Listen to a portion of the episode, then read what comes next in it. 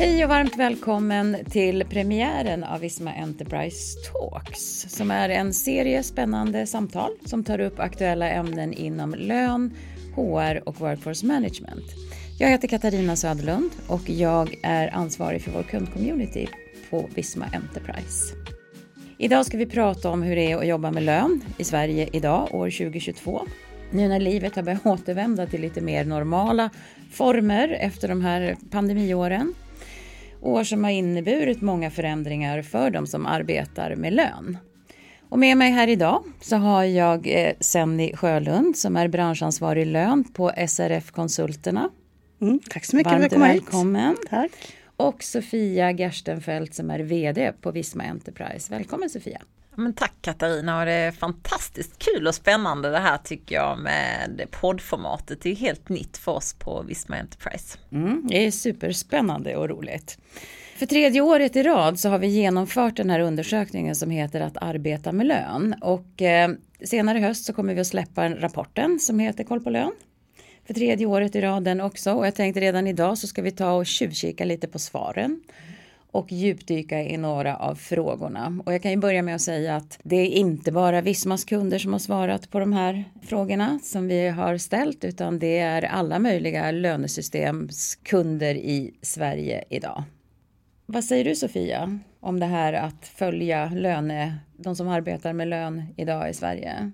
Ja, men det, jag tycker det är jättespännande att se hur eh, arbetet utvecklas. Eh, och Eh, det är klart att vi som systemleverantörer, vi vill ju också vara med och bidra eh, till den utvecklingen och eh, det tror jag faktiskt att vi gör också, att vi är med och bidrar till både utvecklingen av samhället men också utvecklingen av arbetssätt så att ja, förenklar jobbvardagen för våra kunder och skapar en bättre arbetsmiljö på många olika sätt helt enkelt. Mm. Yeah. Vad säger du Senni? Håller du med Sofia? Absolut, jag tycker det är väldigt bra att man gör sådana rapporter för det visar ju också på yrkesrollens utveckling, det visar på vilka utmaningar vi har. Och ofta det att man inte är ensam i sina egna tankar, att det här är något som påverkar bara mig, utan vi är ju många som tillsammans kan bidra till att det blir lättare vardag i samspel. Mm. Ja, verkligen. Men trots då pandemin och många av de här förändringarna så kan man ju se att det här är en yrkeskår som är väldigt nöjd med, sina, sina, med sitt yrkesval. Där över 96 procent faktiskt säger att de är nöjda och ganska nöjda med, med just valet av yrke. Och det är inte heller någon skillnad här mellan privat och offentlig sektor. Man kan se att, att det är mycket förändringar men också att det finns mycket stress i den här yrkeskåren och vi ska komma tillbaka till det här med stress lite senare. Men eh, vill du kommentera nöjdheten över eh, yrkesvalet Senni? Ja, men det är väl klart att man väljer att tycka att det är roligt att jobba med lön. Det är en fantastisk yrkesroll som utvecklas hela tiden. Jag tror att det har väldigt mycket att göra med också att yrkesrollen har fått en tydlighet eh, och att det är fler som aktivt väljer att gå in och jobba med lön helt enkelt. Att det är en, någonting man har jobbat på i många år, att lyfta yrkesrollen och tydliggöra yrkesområdena som man har ansvar för. Men i sammanhanget också då att man har en utveckling både ämnesmässigt men också teknikmässigt. Att man får, man får hela tiden eh, pröva sig själv och testa nya vägar. Mm. Men fortfarande kan vi ju se att majoriteten är kvinnor som arbetar med lön. Ja, och det är ju en, en, utmaning på ett sätt. Samtidigt så tänker man att ja, men vi är ju duktiga på det också. Så det, det, är klart att vi vill få in fler män, det är oftast ganska bra. Men vi ska också lyfta de starka och duktiga kvinnor som jobbar inom lön. Mm. Och inte fokusera på att vi måste få in mer män, utan det finns väldigt många duktiga kvinnor. Så är det. Vi kan också se att de som är mest nöjda med sitt yrkesval är också de som är auktoriserade lönekonsulter. Det borde ju glädja dig ganska mycket. Ja, men jag tror att där handlar väl också om att man är väldigt tydlig med vad man vill. Eh, man, har, man gör ju ännu mer aktiva val när man försöker att eh, kompetensutveckla sig och hitta karriärvägar och ytterligare styrka sin lönekompetens. Eh, så att jag är inte förvånad, men jag tycker också som du säger att det är väldigt roligt att vi får ett oberoende resultat som ni ändå har fått fram. Mm. Det är inte vi som har genomfört det här, det är ni och det är också någonting som går över hela branschen, att det inte är ett system utan det här är ju en rapport som faktiskt täcker väldigt stor del av lönen i Sverige. Men, men vi kan ju också se att, att endast hälften har svarat att man faktiskt har en formell utbildning på mer än ett år. Eh, och, och, det kan naturligtvis ha att göra med ålder och vad man är, vilket skede i livet man är. om man tänker sig att man ska utbilda sig vidare eller också kanske auktorisera sig som lönekonsult. Vad, ser, vad tror du är, är eh, den största anledningen till att man inte väljer att auktorisera sig? Jag tror inte riktigt man förstår vad det kan bidra till den, den, egna utvecklingen. Jag tror också att man kan ha en utmaning i att få arbetsgivare att förstå eh, vikten av att auktorisera sig och vad man kan få för vinst av att auktorisera sig. Både utifrån employer brand-perspektivet och från ett arbetsgivarperspektiv så har man ju en ganska stor utmaning idag med att hitta lönekompetens. Det är, ju, det är över hela landet. I alla typer av funktioner så vet man att här är det hårdvaluta med duktiga lönepersoner.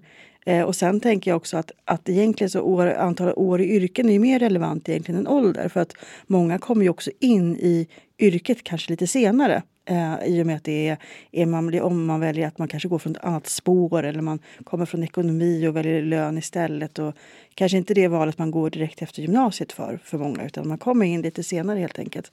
Så att eh, det här med att man inte har yrkeshögskola det handlar väl om att man har byggt på sin erfarenhet och den ska man också värdesätta. För det är det som gör att man kanske just klarar av de här förändringarna. För vi vet att yrket är i utveckling hela tiden och det kommer nya saker att förhålla sig till. Hur många auktoriserade lönekonsulter finns det i Sverige idag? Drygt 700. Ja. Och vi ser en uppgående trend kan vi säga. Ah, härligt. Ja, det är jätteroligt. Ehm, det är en, en, ni har ju varit med sedan början också och, och försökt att få upp den här yrkesrollen och se till att man får den här kvalitetsstämpeln. Så det är ju fantastiskt kul. Ehm, och jag brukar säga det, tänk om alla auktoriserade kunde ta en kompis med sig in i auktorisationen. Mm. För det, det, är inte bara det att man stärker sin yrkesroll, man är också med i branschpåverkan.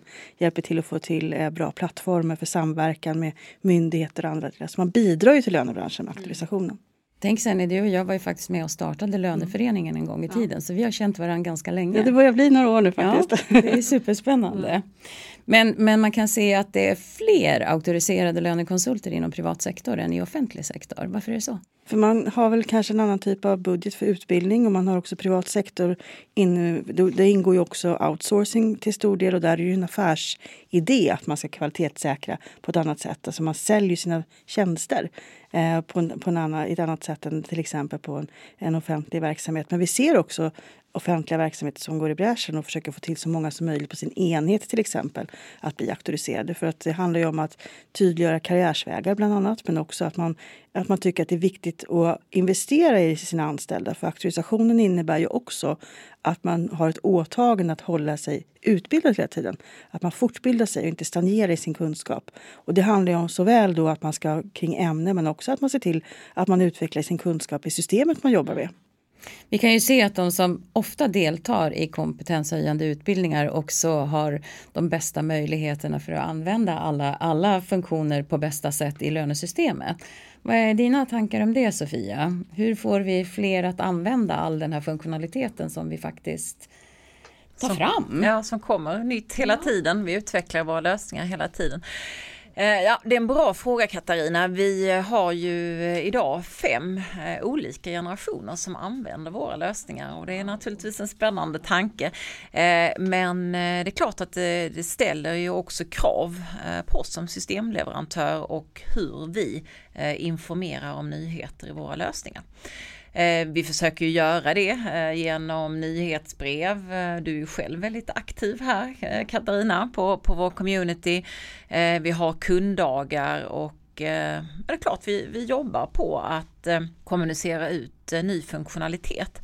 Med det sagt så tänker vi ju att våra lösningar ska vara intuitiva att ta till sig så att du egentligen inte ska behöva gå på en utbildning för att ta till dig nyheter för det släpps ju nyheter Eh, hela tiden som du kanske bara eh, knappt reflekterar över. Eh, men sen så kan det ju vara eh, ny funktionalitet som kräver ett förändrat arbetssätt. Eh, och då är det klart eh, att då är det ju viktigt eh, att vi lyckas nå ut med detta. Eh, för här finns det ju möjlighet att eh, ja, men automatisera och effektivisera delar av dina processer idag. En nyhet som vi ju har lanserat i år är ju till exempel onboarding-modulen eh, i Agda PS och det kämpar vi för att komma ut med den informationen. Mm. Jo, jag tänker jag som då ansvarig för, för våran community. Mm ser ju det som ett fantastiskt, eh, alltså en fantastisk möjlighet att kommunicera ut och vi har ju också sagt att det är vår primära kanal för att kommunicera med våra kunder och att det är superviktigt att man, att man finns där och prenumererar på våra nyhetsinlägg för då, får man, då håller man ju sig hela tiden uppdaterad. Och det kan man ju se också att de som kanske inte är där så ofta har lite svårare att hänga med i det som sker. För du, i en community som vi har med, med det här forumet så är det ju också väldigt mycket kunder som hjälper varann och, och, och kommer med tips. Men har du testat det här? Har du, har du provat den här funktionen eller gör på det här sättet? Vilket är, är fantastiskt. Jag tycker ju att eh, vår community är en guldgruva. Jag håller med. Ja, det är bra. Mm. Generositet och, och, nyfikenhet tror jag är två viktiga ord där. Absolut. Och man, man hjälper varandra för många sitter ofta i samma situation och man vet Exakt. inte hur ska jag ta mig ur det här. Det är ju mycket värdefullt när man kan ha de som är väldigt erfarna och har gjort samma sak. Mm. Så jag förstår att man, att man nyttjar det, det forumet eh, mycket. Ja, det är enormt. Alltså det, det är fantastiskt att, se, att, att, gå in och titta. För det kan ju vara allt från den lönekonsulten som är själv eller till, och som, som kört fast i någonting. Eller om du har en hel löneavdelning där du har olika syn på hur man ska tolka nya regler. Så är det ju, då kan man ju kliva in i forumet och ställa lite frågor och sen så kan man få lite ny input hur man ska tänka. Men när vi pratar om det här med kompetenshöjande utbildningar så kan vi ju se att av de som har svarat i den här undersökningen så är det 40 procent som har begränsad eller ingen kunskap alls om GDPR. Och även här så kan ju de auktoriserade konsulterna är de som faktiskt har högst kunskap om det här tillsammans med lönecheferna. Men det känns ju som att det krävs mer löne eller utbildning om GDPR för lönekonsulterna eh, om man ska tolka de här svaren. Hur ska vi öka kunskapen om GDPR sen och eh, hur tänker ni på SRF? Alltså jag tänker först att man ska eh, se över vad man faktiskt gör, vad som är GDPR. Det känns som ett ganska stort begrepp. Det kan vara svårt att förstå vad det ger för eh, effekt på mitt vardagsarbete. Men ofta det som vi gör i vårt arbete i lönevardagen, om man säger så, är ju GDPR-säkrat. Jag vet att ni jobbar mycket med det systemstöden. Men det finns på andra sätt som man kanske tar för givet. Man förstår inte att det är koppling till GDPR. Så det är en sak att man kanske gör mer GDPR än vad man tror. Sen var GDPR någonting som var väldigt, man pratade väldigt mycket om det när det blev infört infört. Då var det uppe på företagsledning och då fanns ett ansvar att man skulle utföra utbildningar. Och, och det kanske har varit svårt att förstå hur man ska applicera det i sin egen yrkesroll. Det tror jag ja, är i den jättestort. Ja, och då, då måste man utgå ifrån vad har jag för personuppgifter och hur agerar jag på dem? Och då är ju det oftast i i, det är GDPR då med dataskyddslagen som någonstans stöttar upp mig i mitt arbete för att jag ska kunna hantera personuppgifter rätt. Så att man kanske jobbar mer enligt GDPR än vad man tror är det första. Och sen tror jag att när man är auktoriserad så är man också väldigt medveten om att sätta saker och ting i ett större perspektiv. Så man vet vad GDPR är för någonting på ett annat sätt och förstår att det här, är, liksom det här innefattar då det, lönevardagen på ett annat sätt än man kanske när man gör det hands-on och en lönechef säger till att så här ska du göra. Lite mer själv, självstyre kan man väl säga, eller självständighet i hur man agerar kring frågeställningarna. Men man kan aldrig sluta jobba med GDPR-frågor för att de är viktiga. Mm. De, är ju, de är ju det som balanserar upp de möjligheterna vi har rent tekniskt. Integriteten är viktig när vi möjliggör dataflöden på ett sätt som är helt eh, abnormt egentligen hur man skulle kunna göra. Om vi inte hade juridiken som ställde till, eller liksom, som styrde upp oss lite så skulle det bli mycket svårare på många sätt. Så jag tror att det är, en, det är det att skapa trygghet också kring frågeställningarna. Vad säger du Sofia, hur kan vi i våra lönesystem, Agda PS och HR plus, eh, underlätta det här med hanteringen av GDPR? Jo, men eh, vi har ju eh, GDPR-funktionalitet eh, och eh, tanken är ju att vi ska underlätta arbetet att göra rätt med eh, rensning. Det kan vara rensning av olika register. Det kan vara att du inte ska registrera eh, onödig information till exempel i systemet. Det finns en gallringsfunktion och det är klart att det kan stötta i arbetet men till syvende och sist så är det ju ändå kunden som bestämmer eh, hur länge eh, informationen ska lagras i systemet och vilken information som man vill lagra med, medan gallringsfunktionen ju kan stötta i arbetet för att faktiskt rensa register. Och våra system, vi, de, de eh, utvecklas kring någon särskild eh, Ja, privacy, by design, ja absolut. Eh, och det är viktigt att känna till att när vi utvecklar våra lösningar så jobbar vi ju hela tiden för att GDPR säkra dem och varje år så gör vi dessutom en security self assessment som det heter, där vi de facto går in och tittar på så att våra system är säkra och stöttar Och vi jobbade ju tillsammans med er, bland annat från SRF-konsulternas sida genom att när GDPR infördes att vi tog fram en branschkod eh, som var för att hjälpa till då med gallring och arkiveringsregler till exempel. Eh, men också väldigt viktigt att tänka på att man tar, man tar det ansvar man kan i sin yrkesroll. Man kan inte lägga över ansvaret för GDPR på den som jobbar med lön, men man kan vara med och bidra för det är allas ansvar. Ja. Samtidigt ska man aldrig glömma att det är företagsledningen, oavsett vilket system man använder sig av, så är det företagsledningen till, som till syvende och sist är ansvarig för att man att man lever och, efter de riktlinjer som man har då enligt GDPR. Jag vet att när vi skulle börja, när jag, när jag satte ihop den här årets undersökning som består av väldigt många samma typer av frågor eh, och vi gör ju det nu för tredje året i rad så, så hörde jag mig till dig sen och tänkte att du kanske har någon idé om någon fråga som vi skulle kunna ställa. Vi har ju ställt tidigare enormt många frågor om pandemin, om hemarbete och eh, olika regler som har införts under de här åren. Och då kom det med tipset att vi skulle ställa frågan hur man när man jobbar med lön idag har lyckats hålla sig ajour med införandet av P27. Och det här kan vi ju läsa att det här har kanske inte riktigt majoriteten av dem som jobbar med lön idag lyckats särskilt bra med. Även här kan man väl säga att lönekonsulterna ligger bäst till, eller de auktoriserade lönekonsulterna med att hålla sig ajour. Det här med P27 sen är, vad är det egentligen och varför är det så viktigt nu att man hänger med här? Ja, det är ju en, en helt omvälvande hantering egentligen kring bankfiler kan man väl säga. Det är ett större, ett större, eh, större perspektiv kan man säga att P27 är ett projekt som ska ge till att vi får en gemensam betalningsinfrastruktur i Norden så att man ska ha lättare att göra betalningsfiler mellan olika länder och olika banker. Men det blir en stor förändring i arbetssättet. Eh, och det är det man måste vara varse. Och jag förstår att man tycker att det här är lite svårt för att eh, bankerna kommer med lite olika bud. Eh, det ska vara en standard men bankerna pratar om olika dialekter så att det inte är riktigt samma sak. Och systemleverantörerna har en otroligt svår uppgift i att tillgodose alla de här bankerna för att de byter ibland också deadlines och när saker och ting går ur tiden, när kan man föra vilket eh, bankformat, vad är förutsättningarna? Vi jobbar ju hårt tillsammans med systemleverantörerna också och försöka få fram förutsättningarna tydligare. Så jag förstår att man tycker att det är svårt i den hanteringen. Och, och eh, man får ju förhålla sig till det man har, den banken man jobbar med och den systemleverantör man jobbar med och säkerställa att det man har på eget bord kan man liksom ha koll på. Men som sagt, det, det händer ju saker och ting där hela tiden.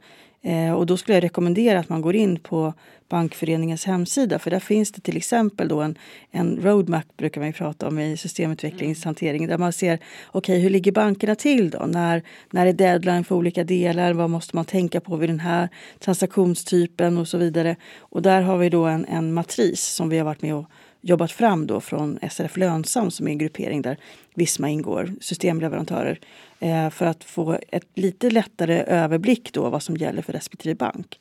För det finns ju företag som jobbar med en bank men sen finns det ju företag som jobbar med många banker. Absolut. Så det är komplext. Men det är ju superbra mm. tips att man ska gå in där. För jag kan ju säga att den mest populära frågan i vår community handlar ju om bankfiler. Mm helt uteslutande nästan. Ja, för P27 handlar egentligen om att man ändrar då filformatet och går in på en ISO-standard som är internationell om man ska göra det enkelt. Men det är också en, eh, P27 har också en påverkan i och med att de har köpt upp Bankgirocentralen vilket gör att den funktionen försvinner. Och det är klart att då behöver man ju andra typer av funktionaliteter som man kan mm. få stöd av i, i system eller runt omkring. Och det kommer, det kommer ju komma stöd på mm. olika sätt men det är som lite grann när man kliver in i nya regelverk så finns det inte facit. Mm. Och det är vi ganska duktiga på att hantera nu för tiden från, från ja, men Exakt. Ja. Så att det, det är tur att det är ett luttrat gäng. Mm. Men Sofia, vad gör vi då som systemleverantörer inför det här med införandet av P27? Tänkte på, på det du sa här sen, för att det är ju inte så att det ställs några frågor till oss då som systemleverantör. Klarar ni av att leverera på detta när vi har hittat på de här olika nya eh, reglerna? Så att eh, det är klart att vi behöver ju alltid anpassa oss efter eh, nytt som kommer helt enkelt. Och just när det gäller P27 så har det ju varit ganska svårt mm. Eh, eftersom det har ju dragit ut på tiden så att eh, det har skapat osäkerhet eh, hos oss och hos våra kunder. Såklart. Eh, men eh, jag tycker ju att eh, alla ska använda sig av vår betalningslösning som heter Autopay och som vi själva använder oss av. Som är ett säkert sätt att betala helt enkelt. Du kan ha upp till fyra olika tester till exempel. All information är krypterad och jag vet till exempel när våra löneutbetalningar ska gå iväg och jag är ju den sista som går in och attesterar våra löner. Så innan jag godkänner att eh, löneutbetalningen går iväg så kan jag ju gå in och titta på, för då aviserar eh, systemet liksom om det finns några avvikelser och det kan ju vara om det är stora lönesummor till exempel eller om det är någon nyanställd eller så som jag då kan gå in och se att ja men här stämmer ju att det är en nyanställd som är här och så går jag in och, och godkänner det helt enkelt. Så att eh, risken för fel minskar och Eh, det är en säker betalningslösning. Helt och Autopay är något som man kan använda för våra lönesystem, Agda PS och HR+. Ja, det stämmer. Mm. Och vi lägger till också att bankfilen kommer ju, varför man gör den här förändringen är ju för att någonting som är väldigt säkert idag vill vi fortsätta ha säkert. Så att utvecklingen går ju i alla olika varianter framåt. Vilket gör att man vill säkerställa att det finns en säkerhet kring själva bankfilen också när man för över den. Så att det kommer ju medföra positiva effekter som man kanske inte känner just nu eh, när man sitter mitt uppe i det. Så det är ofta så att när saker är nytt då måste man reda ut det som är lite svårt och sen så när man kommer vidare så kommer vi tycka att det här är självklart mm. i, i framtiden. Mm. Ja, och det är, jag tänker att det är inte alltid lätt att vara lönekonsult idag och ta till sig alla förändringar och, och det är ju mycket och som sagt de har ju härdats under några år med, med pandemi och hemarbete och allt som, har, som har, det har inneburit. Men även så kan man läsa att 88 procent är, är ganska nöjda eller, eller mycket positiva eller ganska positiva till förändring, vilket är ju fantastiskt att man ändå är. Och hela 95 procent säger också att de inte är oroliga för att få det här med digitala kollegor, att de ska ta över jobbet. Hur, hur tänker vi med på Visma med våra lösningar när det gäller förändring och tror du att alla, vad ska vi göra för att man ska ta till sig alla de här förändringarna? Först och främst måste jag säga att jag tycker det är fantastiskt härligt att höra att är ett sånt förändringsorienterat gäng som vi har att göra med här. Det är ju jättekul och det är egentligen tvärt vad man tänker sig traditionella eh, lönekonsulter eller löneadministratörer. Då tänker jag också fem generationer. Ja. Det måste ju vara inte bara i våra system utan jag tänker också generellt i hela branschen att det finns kanske fem generationer. Ja. Och ja, att man är så förändringsbenägen. Verkligen, fantastiskt roligt. Jag tänker också att eh, vad, vad, våra lösningar i systemet med automatiska processer och, och, automation och det här att det också kommer att medföra förändringar som är väldigt positiva för de som jobbar? Jo men absolut och, och jag måste säga att jag är ju oerhört stolt eh, över våra lösningar och, och eh, vad våra lösningar kan bidra med egentligen till, till hela samhället men naturligtvis specifikt eh, till våra kunder genom att automatisera, förenkla deras arbete, minska risken för fel vilket gör att de kan lägga tid på det som skapar värde i sin organisation istället för att lägga tid på att eh, korrigera felaktigheter till exempel eller jobba med administrativa rutiner som inte skapar mervärde. Eh, vi är ju också väldigt glada för att, eh, ja, men att vi kan förbättra arbetsmiljön för många medarbetare, till exempel genom bättre och mer rättvisa scheman Sen vad tänker du om det här då med digitala kollegor och en oro för eh, att man ska bli av med sitt jobb till exempel? Och hur märker du av det i kontakten med era medlemmar på SRF? Ja, nu har vi ju auktoriserade medlemmar men vi möter ju branschen i stort också för vi träffar ju väldigt mycket av de som jobbar i branschen. Och jag vill också trycka på det som du sa Sofia att det är så skönt att slå hål på myten om att vi inte är förändringsbenägna. Och att man då vill ta sig an sina eh, digitala kollegor, det märker man. Det är mer att det blir en förväntan och spänning. Man vill se vad andra har gjort hur löser ni det här? Och har ni den anställd? Och vad händer, med, vad händer när ni plockar in en sån där robot eller när ni kör den där automatiseringsprocessen? Och, så att jag tror det är den där nyfikenheten som man faktiskt återigen kan se i, som också ligger i att vara förändringsbenägen. Eh, så jag tycker inte att man märker att det finns någon oro utan det är mer att man blir frustrerad att det inte går snabbare skulle jag säga. Till exempel rapporteringen då när man tycker att man skulle kunna återanvända AGI mer som var utlovat. Det liksom, när kommer det? Och det skulle ju annars vara en sån sak som man tycker är lite läskigt för det skulle vara sånt som plockade bort lite av arbetsuppgifter. Men jag tror att vi förstår att vi har att göra ändå, att man kan utvecklas och skapa mervärde på ett annat sätt Eh, när man jobbar med lön eh, utifrån att man har digitala stöd. Om det nu är en kollega eller om det är en automatisering eller om det är någonting annat. Mm. Jag tänker också att, att det här att låta kunder eller andra, om nu pratar jag utifrån att på Visma, att i, när vi gör olika typer av event, att låta andra kunder berätta om sina egna resor.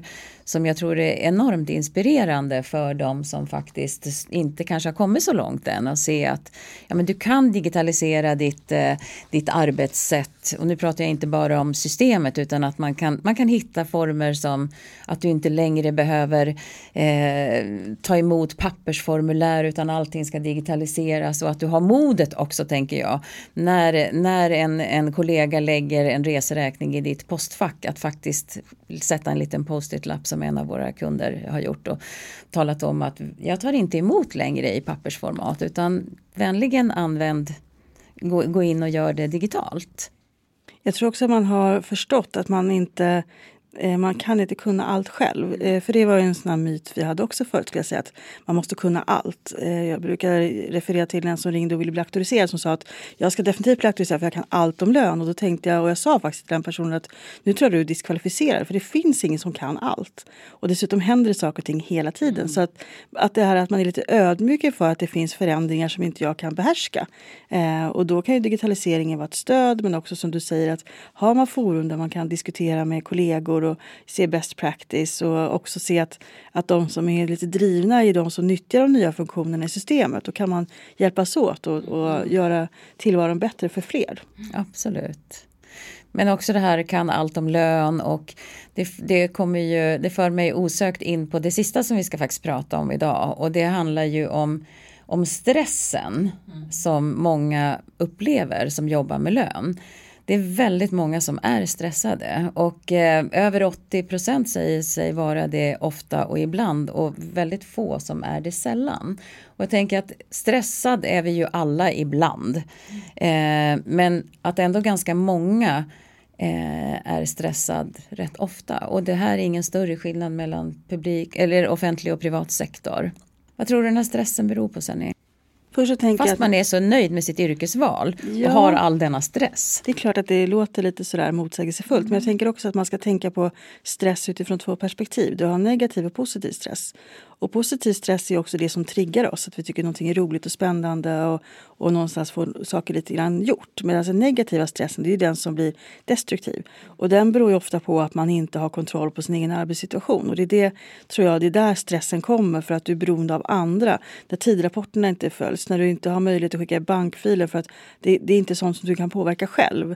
Och då brukar du prata också, Katarina, mycket om det här med möjligheten att kunna vara ledig, semester och de delarna. In, sig. Ja, återhämta sig. Och det är klart att det kan ju vara svårt om man känner att man har en lönefil som ska gå varje, mm. varje månad. Men där kan man ju hitta eh, stöd. Jag vet att ni i era system har ju stöd för för de delarna så att man kan i varje fall säkerställa att, att det är bra kvalitet på, på det som går ut. Mm. Jag tänker att jag får nog formulera om frågan till 2023 och ha både med alternativ om positiv och negativ stress så vi ska förstå den där frågan lite bättre. Men jag tänker vi försöker göra vad vi kan mm. naturligtvis i våra system ja. eh, för våra kunder. Eh, och har du några handfasta tips på hur man kan förenkla arbetet? Jo men det är klart att vi jobbar ju hela tiden för att eh, automatisera processer och att vi jobbar med eh, så att man ska kunna jobba proaktivt i systemen. Vi jobbar med notifieringar så att vi egentligen ska reducera eller minska risken för att göra fel eh, och på så sätt eh, reducera stress stressnivån mm. som man kan uppleva säkert som, som lönespecialist. Men det är just det här kring att, att minimera risken att göra fel som, mm. som vi varit inne på att det är ju också en väldigt det, det, vet man ju alltid med sig själv när man ska göra saker. Här idag ska jag säga fel saker. Mm. Eh, det, det, finns ju en liten stress i det. Men, men jag tänker ju att du har berättat förut Sofia om det här med notifieringar till mm. exempel som kan underlätta eh, för de som jobbar med lön idag. Jo men då, det, det, är ju som man kan säga så istället för att hålla ordning på allt så får du ju eh, stöd för ditt arbete genom att systemet talar om för dig eh, vad du ska göra. Det kan ju vara till exempel eh, att gå in och godkänna en ledighetsansökan eller gå in och godkänna tidrapporter eller om det är någon som har gjort en reseräkning så får du notiser om det så att du liksom så det hjälper dig att göra inte saker hålla allt i huvudet. Du behöver inte göra, hålla allt allt i huvudet. Eh, så att det är klart att det är en stor fördel och som jag var inne på också med autopay. Eh, att det går inte iväg en utbetalning med en eh, nyanställd utan att du själv har gått in och tittat på det. Och, just en sån sak som att man själv aktivt går in och godkänner en avvikelse. Då behöver du inte göra den kontrollen igen. Det är ju väldigt positivt det är ju liksom det som är lite dilemmat här när man jobbar med lön att du får ju inga applåder för att du gör 99% rätt för den personen som har fått fel lön kommer definitivt att kasta sig ja, på telefonen och ringa dig och det är klart att, att det skapar stress. Mm. Och sen så naturligtvis eh, så jobbar vi har kommit ännu längre eh, i det här arbetet med att automatisera löneprocessen i, i vårt lönesystem HR+. Där vi jobbar med någonting som vi kallar för payroll automation. Där, det låter ju som en dröm. Ja, det har jag hört att det är också. det ser i alla fall väldigt bra ut där du hela tiden så att säga kan följa flödet i processen vilket gör att istället för att jobba med, med Excel-listor till exempel för att förstå var någonstans du är eh, så, så, så ser du hela tiden i systemet eh, och var du är i löneprocessen vilket gör att eh, Eh, andra personer kan ju hjälpa varandra på ett helt annat sätt. Eh, om det är inte någon, lika sårbart. Nej, det är inte lika sårbart och det gör också att om, om någon blir sjuk till exempel eh, så och du har liksom kollegor som också, det är ju drömtillvaron att det är mer än du då på mm. företaget som, som men det får man nog säga att det är det nog när man jobbar med payroll automation för då är det ju oftast större löneavdelningar.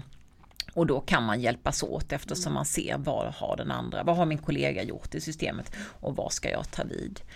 Eh, och sen så naturligtvis eh, det vi fokuserar mycket på framåt det är ju anomalier, att upptäcka eh, felaktigheter innan. Så mycket konstiga ord jo, i den här branschen. Men, men, det kanske inte är ta, speciellt för lön. Nej men det är ju det som det blir så allvarliga konsekvenser om det blir fel med lön. För att då går det ut fel och så ska man du kräva tillbaka det och det blir obehagligt för alla inblandade.